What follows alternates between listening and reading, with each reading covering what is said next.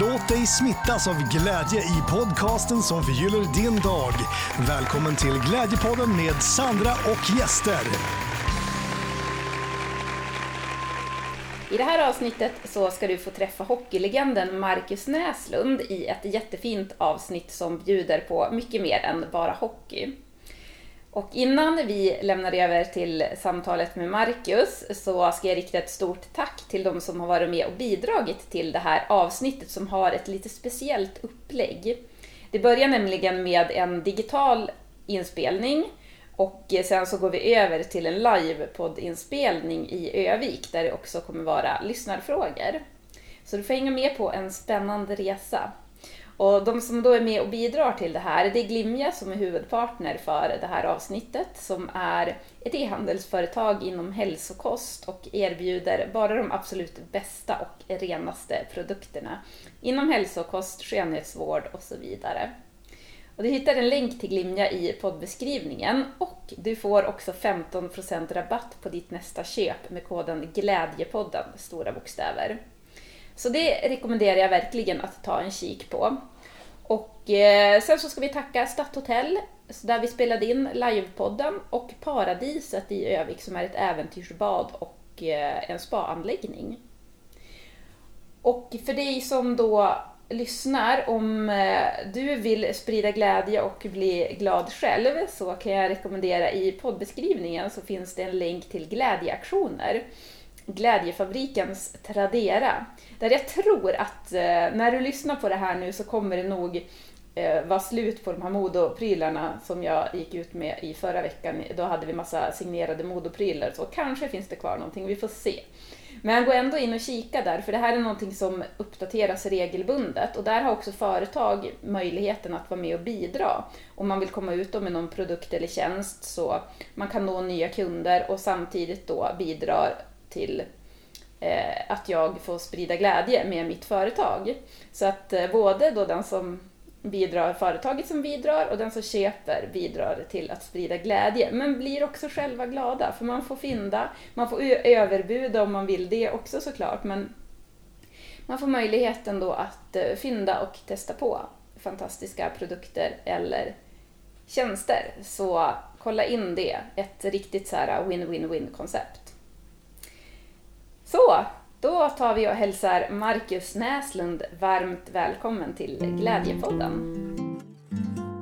Tack så mycket. Jag tänker att vi börjar med att kolla läget med dig just nu. Om du skulle vara en emoji just nu?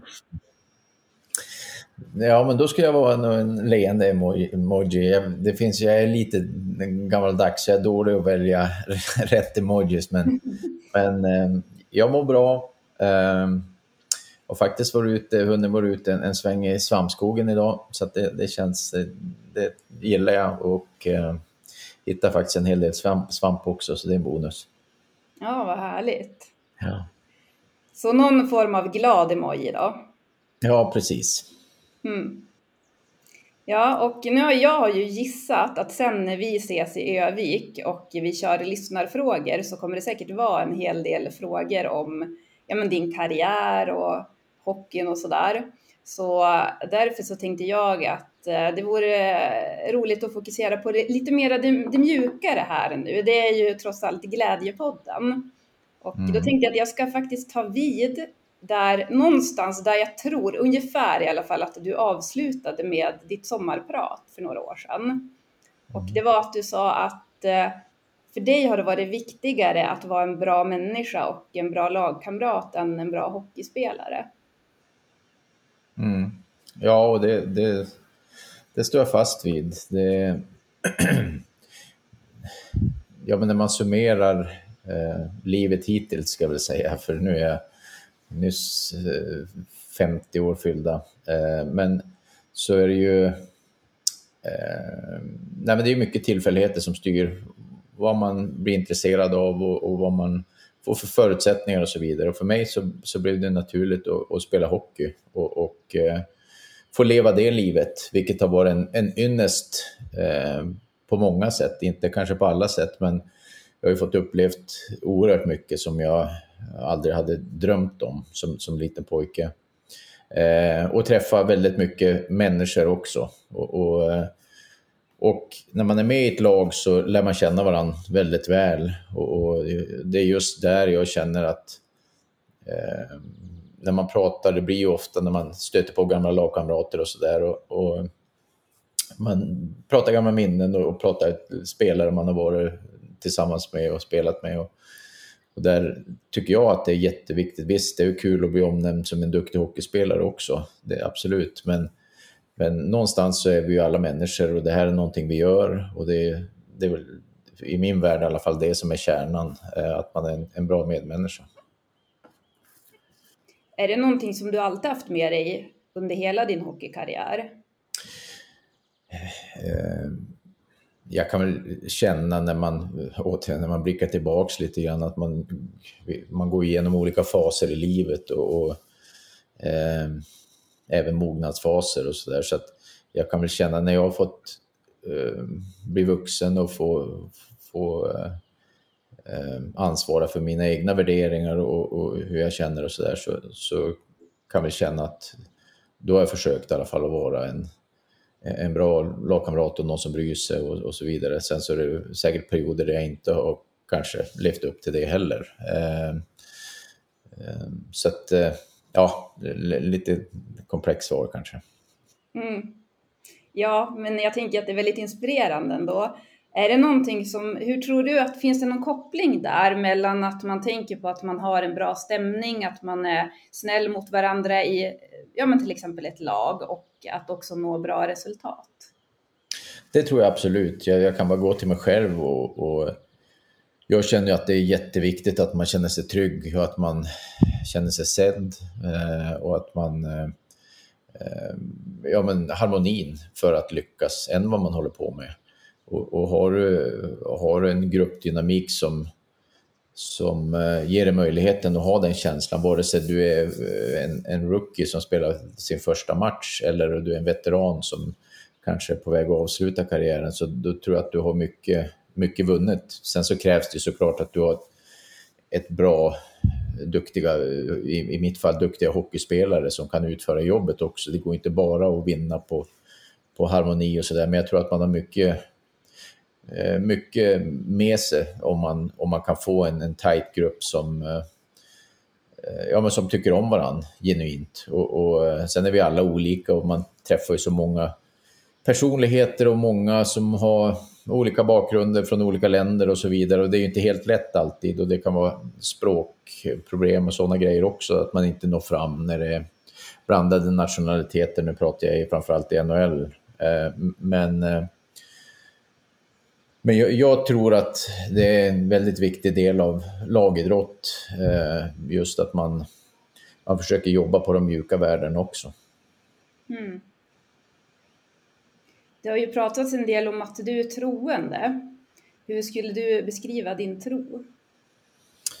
Ja, eh, jag tror ju att det finns eh, något mer än, än, det vi gör här på, på jorden, det tror jag. Jag tror att det blir Eh, man, att det slutar inte med döden. Sen så vad nästa steg innebär, det, det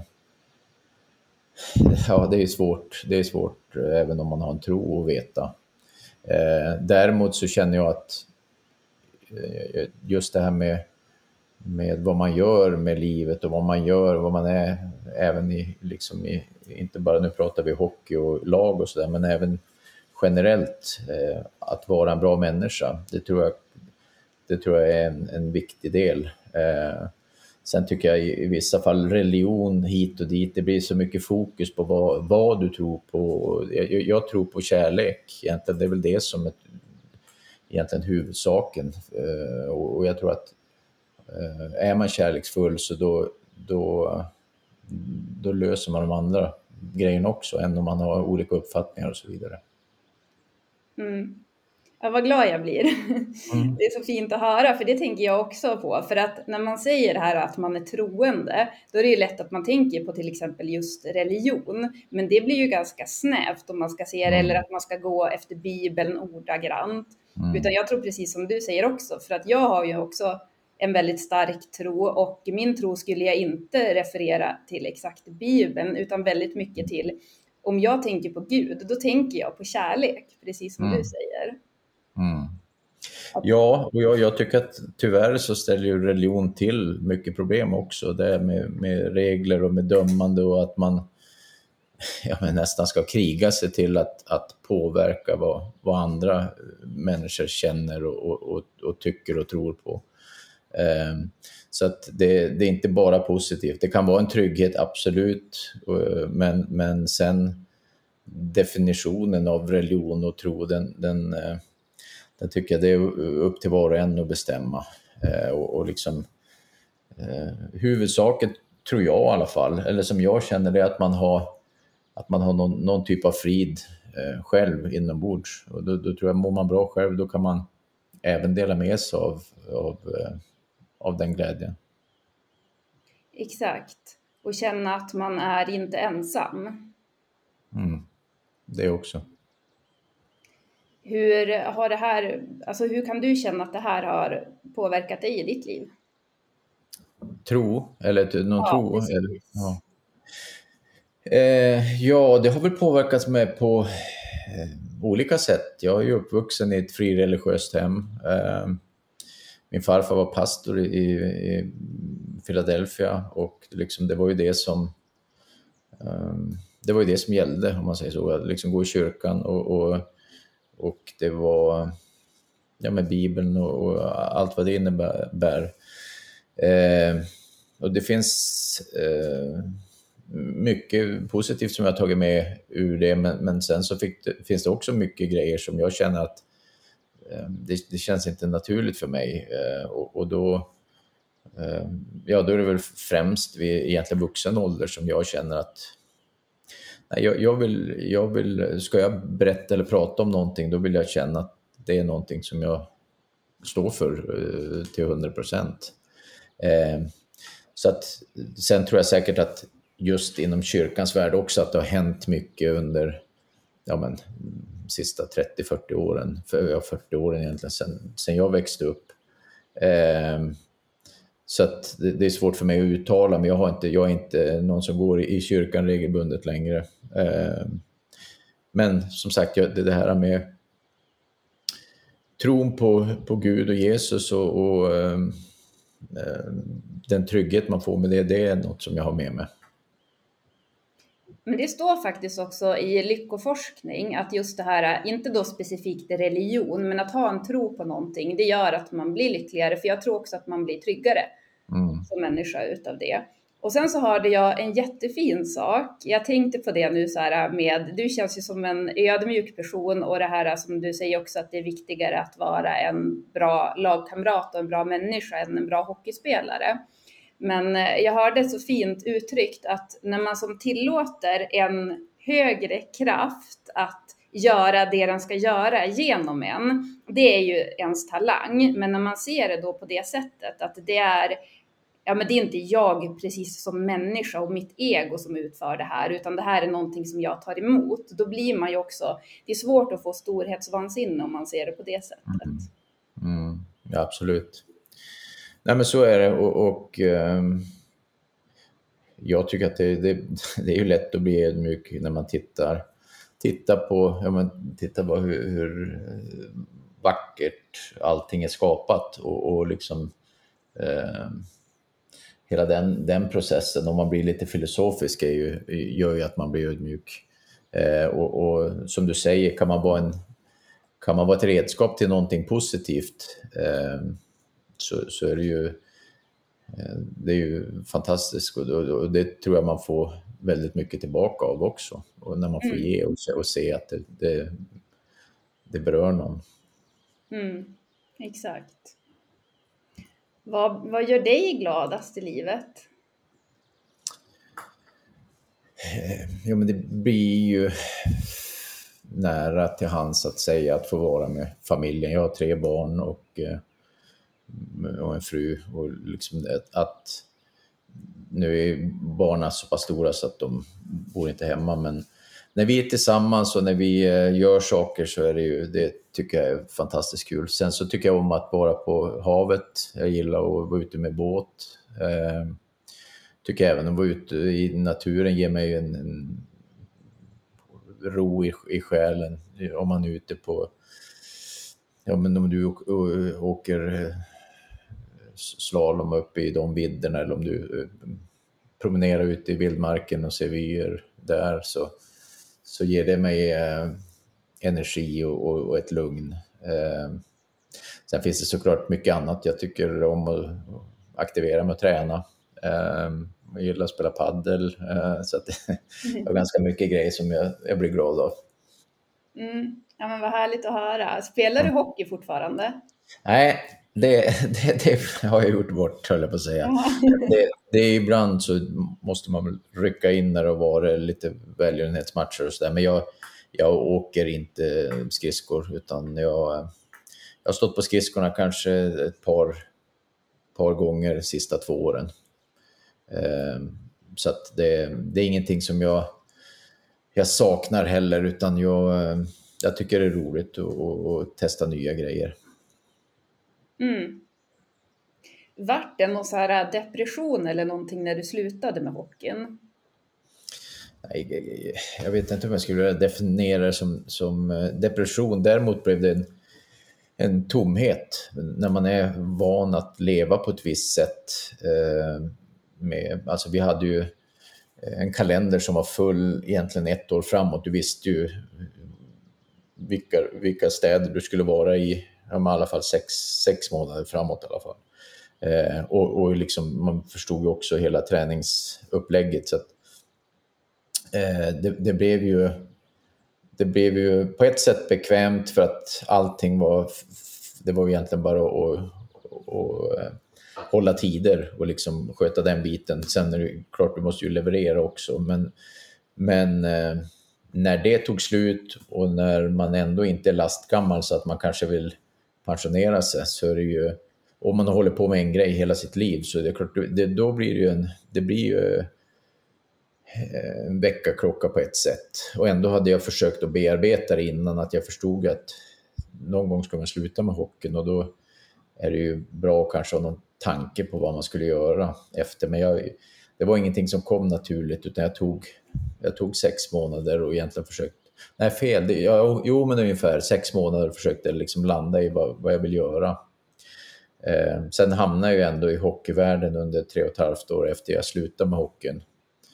Eh, och så blev det en till paus på, på, sex månader och så sen nu har jag hållit på med framförallt fastigheter sen dess och lite andra grejer också. Men, men eh, jag har i alla fall eh, hoppat på något annat än, än, än hockey i alla fall. Mm. Vissa kan ju få så här, har jag hört, identitetskris.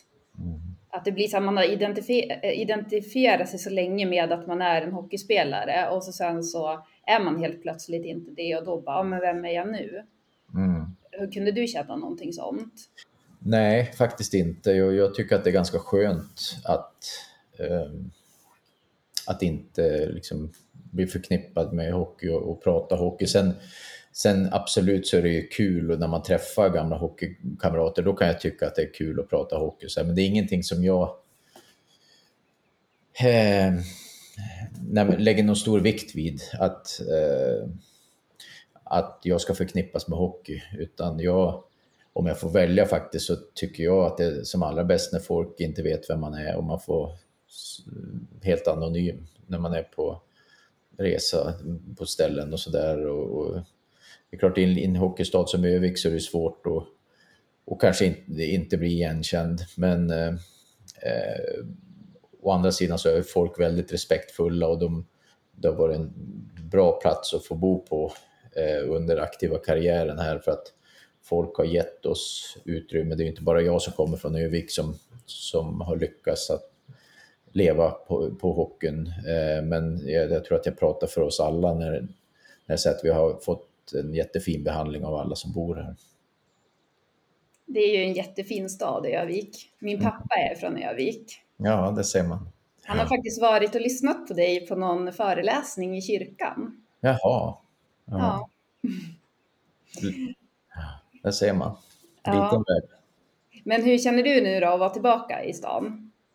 Jo, men det, det känns som, nu har jag varit tillbaka länge. Vi flyttade ju tillbaka 2009 så att det är ju ja, det är snart 15 år sedan.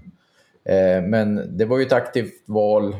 Nu hade eh, vi bott i, i, större städer i Nordamerika och, och vant oss med, med utbud och annat som det innebär, men kände någonstans ändå att, att få växa upp i en liten, liten stad, eh, det är mycket positivt med det. Och nu tänker jag även för barnas skull, när de går i skolan och när de håller på med idrott och annat. Eh, frihetsdelen och, och, även säkerheten. Eh, och, och, mycket annat också. Att, att det, det, är mycket enklare om man ska ja, men om man ska aktivera barn i, i, saker, att man behöver inte sitta i bilköer i flera timmar bara för att skjutsa till en träning, utan att det, allting går mycket snabbare. Och, och indirekt ger en mer tid att vara tillsammans på grund av det. Mm.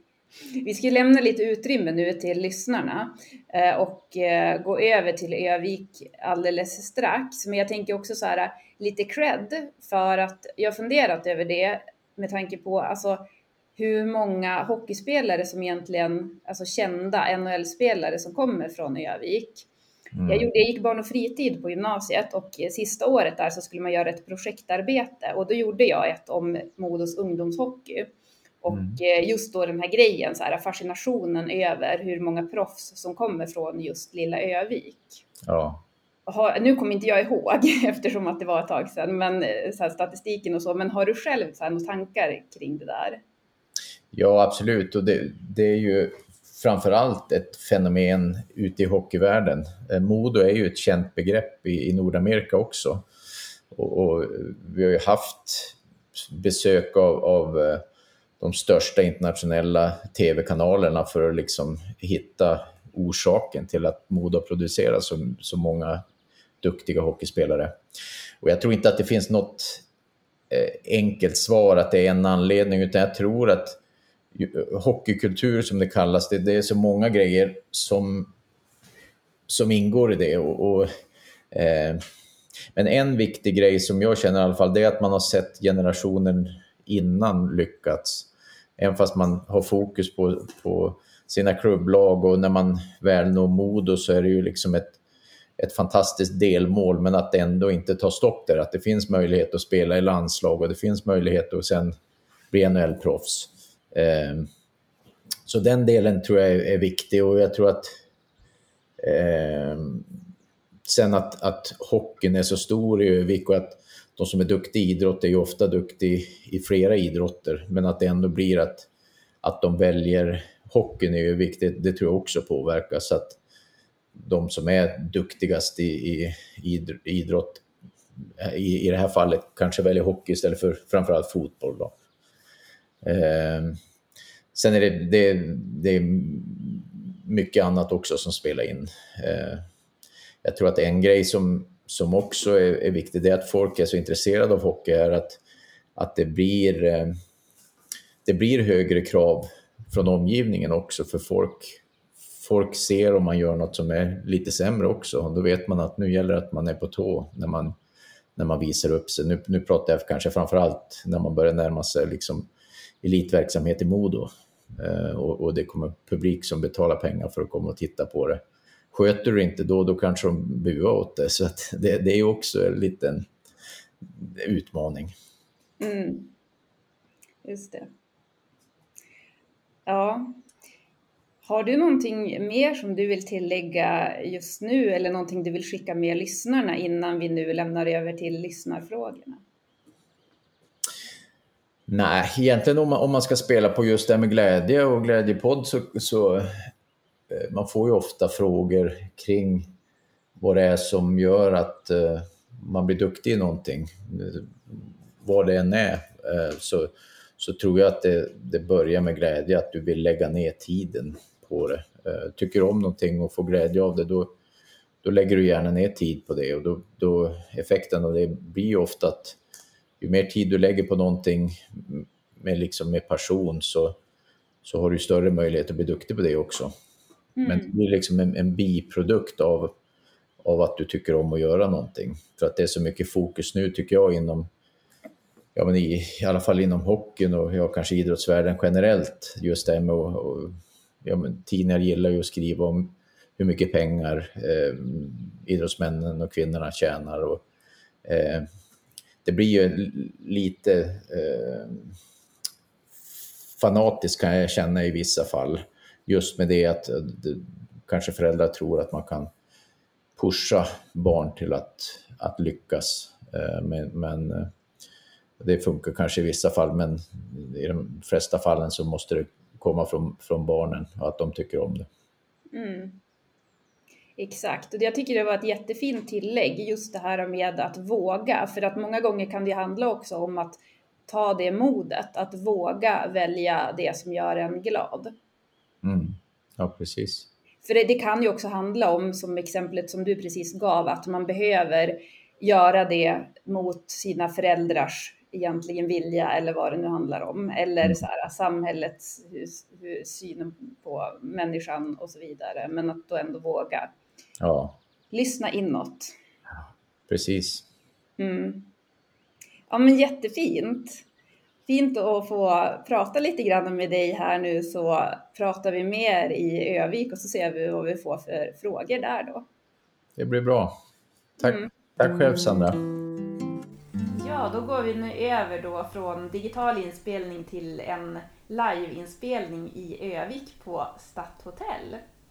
Och eh, jag flikar in här, passar på också, riktar återigen ett stort tack till de som har varit med och bidragit till det här avsnittet. Som då är Glimja, Stadthotell och Paradiset. Och jag passar också på att eh, rekommendera att gå in och kolla på Glädjefabrikens Tradera som finns i poddbeskrivningen så kanske du hittar något fynd där och också får passa på och bidra till att sprida glädje. Så fortsätter vi nu att ta del av Marcus glädje där han ska få berätta lite mer om sig själv. Absolut.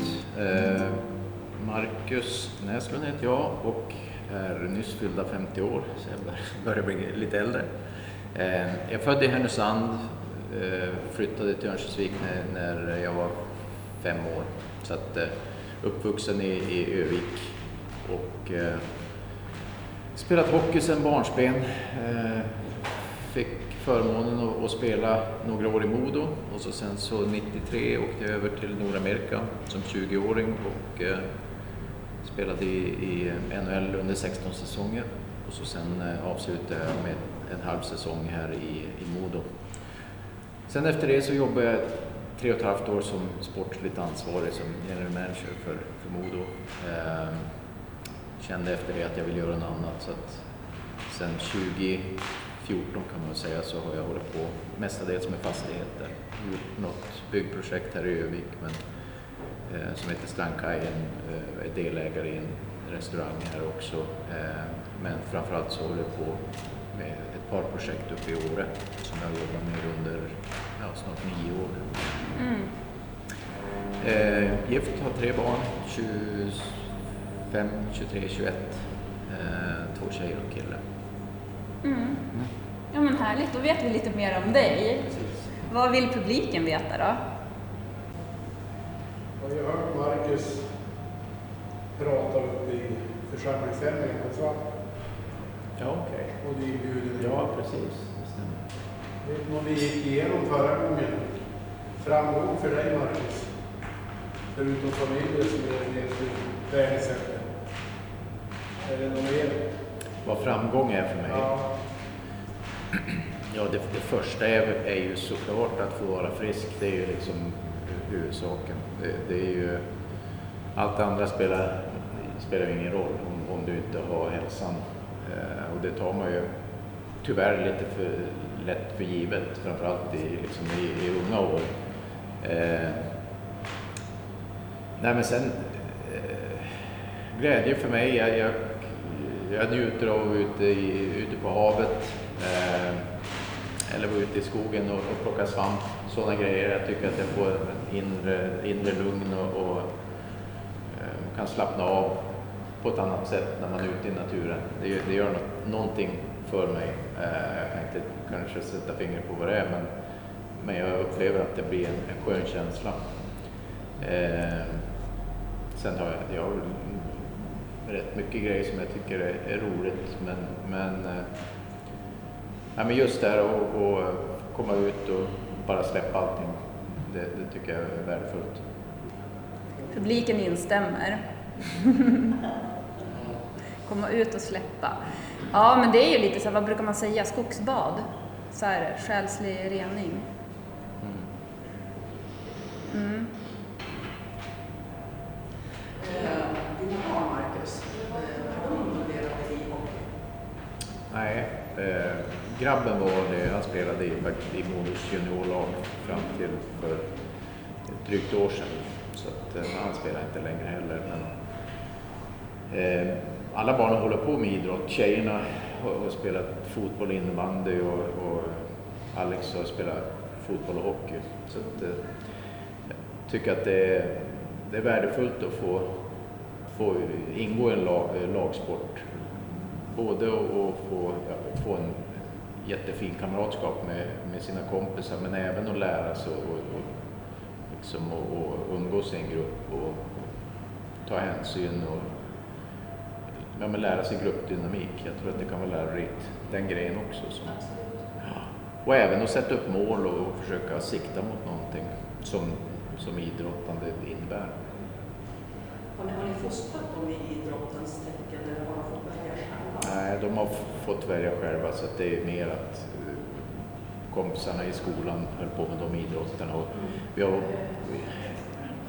jag har sett under min resa så många hemska exempel på föräldrar som har både lagt sig i och liksom pressat sina barn. Så att vi har varit väldigt passiva på det sättet. Eh, och liksom det är barnen som måste få, för det första tycka att det är kul och så sen har man det intresset så får de, då, får de köra på och träna så mycket de vill. Men, men, eh, men att det kommer den vägen och inte från föräldrarna. Men jag tänkte på det, du pratade om det i ditt sommarprat, det här med att eh, när du själv har jobbat med hockey, att föräldrar ofta är det värsta, eller vad var det du sa? Ja, det finns ju väldigt många fanatiska föräldrar, så är det. Eh, och det tror jag får som svar om du pratar med, med ungdomsledare. Eh, jag vet inte om det är så i alla sporter, men i, i hockeyn, eftersom höga löner hägrar eh, liksom när man blir NHL-proffs och sådär, så tror jag att det är många som, som är beredda att göra vad som helst för att deras barn ska lyckas. Eh, och jag, jag jag tror inte att man kan pressa barnen till att lyckas. Du kan säkert få dem till en viss nivå men, men sen det, det, det som krävs måste komma inifrån. Du måste tycka det är kul och, och, eh, och att det, det, startar den vägen, att det är barnen som, som driver processen. Men, men, eh, ja, nej, men jag, under tiden i mod också så var det jag har många exempel på på övertramp från föräldrar, vilket är jättetråkigt att se. Och det, är, det är tråkigt också när man kanske vet vilka föräldrarna är och tycker att de känns som ja, men, normala och, och, och sansade och så sen när det kommer till sina egna barn så då är det som det, det, allting kopplas bort. Mm. Tyvärr. Just det, men hur tänker du då? Hur driver man ett barn på bästa sätt? Ja, jag tycker att eh, som jag sa, att, att barnet måste ju få känna. Eh, för det första så tror jag att det är bra för att testa en massa olika grejer så att man inte börjar kanske och liksom inrikta sig på en sport när de är fyra, fem år och att det är bara det som gäller utan att man jag tror inte man blir någon sämre slutprodukt än om du testar ett antal sporter i, i, de, ja, men i barn, barnåren. Mm. Bara för att få känna vad man tycker är kul. Eh, men sen Absolut så måste man ju ge barnen förutsättningar att få träningsmöjligheter och hela den biten. Så visst, visst måste man vara med och, och det finns, ja det är ju en uppoffring såklart att, att man skjutsar och att man eh, utrustningen och hela den biten är ju också dyr så att det, föräldrarna måste ju vara med och supporta, det är inget snack om det. Eh, men sen så tror jag det här med, med eh, träning och matcher och, och allt vad det innebär, det, eh, kan man bara få vara med i en bra förening så tror jag att de grejerna löser sig själva. Mm. Just det. Vi har ju Mikkel Ågard som sitter här bredvid också. Har du någon fråga till Marcus? Mikkel som då spelar i Modo för tillfället? Jag skulle säga väl eh, lite som vi, om vi går in på vad vi pratade om innan inspelningen. Eh, om du har någon liksom extra tips eller någonting till att eh, till jag som eh, ishockeyspelare liksom när, när man har en liten sämre period och liksom hur man kan ta sig ut av det.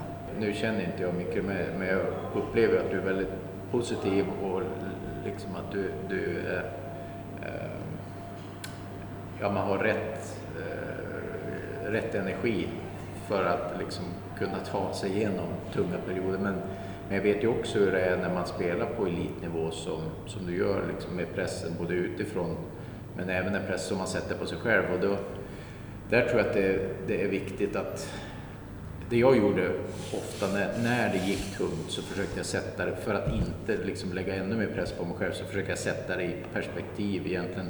Gå tillbaks till jag började med det här med att, att man är frisk, att man har familj som, som mår bra liksom.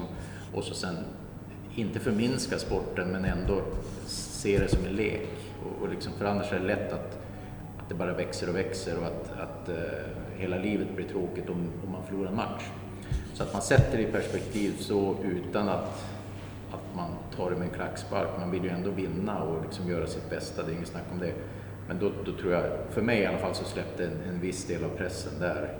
Eh, sen är det ju få förunnat att få, få spela, ja, men om man får, får spela inför en, ett fullsatt eh, Hägglunds arena, det är ju en, det är en häftig grej och man får ju en, en fantastisk boost bara av att höra publiken och, och klacken liksom stå och, och peppa på. Så att det, det hjälper ju väldigt mycket. Men, eh, nej, men egentligen att, att, att försöka att inte lägga så mycket press på sig själv, det är väl mitt råd i, i det hela. Mm, hur känns det? Jag tycker det känns bra. Jag tycker det ja, men, ganska mycket stämmer in på den, liksom, hur jag tänker och, och liksom mitt eh, tillvägagångssätt. Eh, angående liksom när man har tyngre perioder och allt sånt så eh, jag tycker det stämmer bra. Mm. Vi pratade, jag och Mikael pratade, eller vänta det här kanske jag inte ska ha med nu förresten, eh, när jag varit lite peppad kring det här nu, vi pratade om det, eh, just det här med vad betyder publiken och deras energi. Att, eh, hur känner du för det? Vad har, tänker du att publiken, om, det, alltså om man jämför så här, att man får positiv energi från publiken eller att de kan ju också sitta och bua? Mm. Ja, och, och, det är klart att visst kan det väl vara också att man, man kan tycka det är jobbigt att spela inför för en, en hockeykunnig publik. För att det, men, men jag tycker att eh, jag tycker att eh, Modos eh, fans och publik har varit fantastisk i att, eh, att lyfta sitt, sitt lag och liksom den uppoffring också som som trots allt är att, att stå där och sjunga varje, varje match, vare sig det är en, en tisdag i november eller om det är sjunde avgörande för att gå upp till SHL. Så, eh, det gör en skillnad. Eh, och, och jag har spelat vissa gånger när man har, det har varit så högt ljud att man inte kunnat prata med varandra på bänken. Och det är ju liksom sådana såna saker, det minns man ju resten av livet för att det är så mäktigt på något mm. sätt. Mm. Har vi någon sista fråga? Du är dålig på frågor verkligen. Mm. Och du skridskor fortfarande? Nej, jag åker skridskor. Jag var med för ett, eh, det är väl ett, ja vad är det? Jag vet inte hur länge sedan det var, men, men det är väl snart ett år sedan, eh, för Börje Salmings eh, match när, när det, han hedrades i, i Gävle. Men då hade jag inte stått, jag hade stått på is en gång året innan också så att jag, nej jag åker väldigt sällan. Jag känner att jag, ah, jag, jag, känner att jag har gjort bort den delen på något sätt. Jag saknar inte. Så att, eh, och det är inget roligt heller när man kliver på isen och så känns det inte riktigt på samma sätt. Så att, eh, det var kul medan det varade. Jo då, det har, jag har relativt mycket kontakt. Vi, vi, gick ju, vi gick ju gymnasiet tillsammans också så att vi har, vi har en WhatsApp-slinga med några av killarna i den klassen så att det brukar vara ja, lite roliga konversationer där. Sen är vi ju även eh, kollegor i, i restaurangen, Stranka kök och bar så att det händer väl att, eh, att man stöter på varandra där också. Men eh, eftersom man inte bor här nu så, så blir det ju relativt sällan så är det att man träffas fysiskt. Jag kommer ihåg när. Jaha, ja det ser man. Det var Peter Forsberg vi fick en att fråga om. med gurka. Ja, Det är därför inte har gått så bra för ja precis, precis. Ja, det är bra. Ja, men då får vi tacka så jättemycket Marcus för att du vill vara med och sprida glädje. Det är ju så att glädje sprider sig ju längre än vad man anar. Så att nu är det ju förmodligen många som kommer lyssna på det här också. Får vi hoppas. Är det någonting sista som du vill skicka med? Nej, jag tycker jättefint initiativ av dig och liksom, ja, men, tänka lite längre och djupare på det sättet. För jag, jag håller med, jag tror att, eh, att glädje smittar. Det gör Mm. det absolut och positiv energi likaså. Så att, eh, nej, det är jättebra. Du behöver det. Ja, Ja. det det absolut. Bra, tack så mycket. Tack så mycket.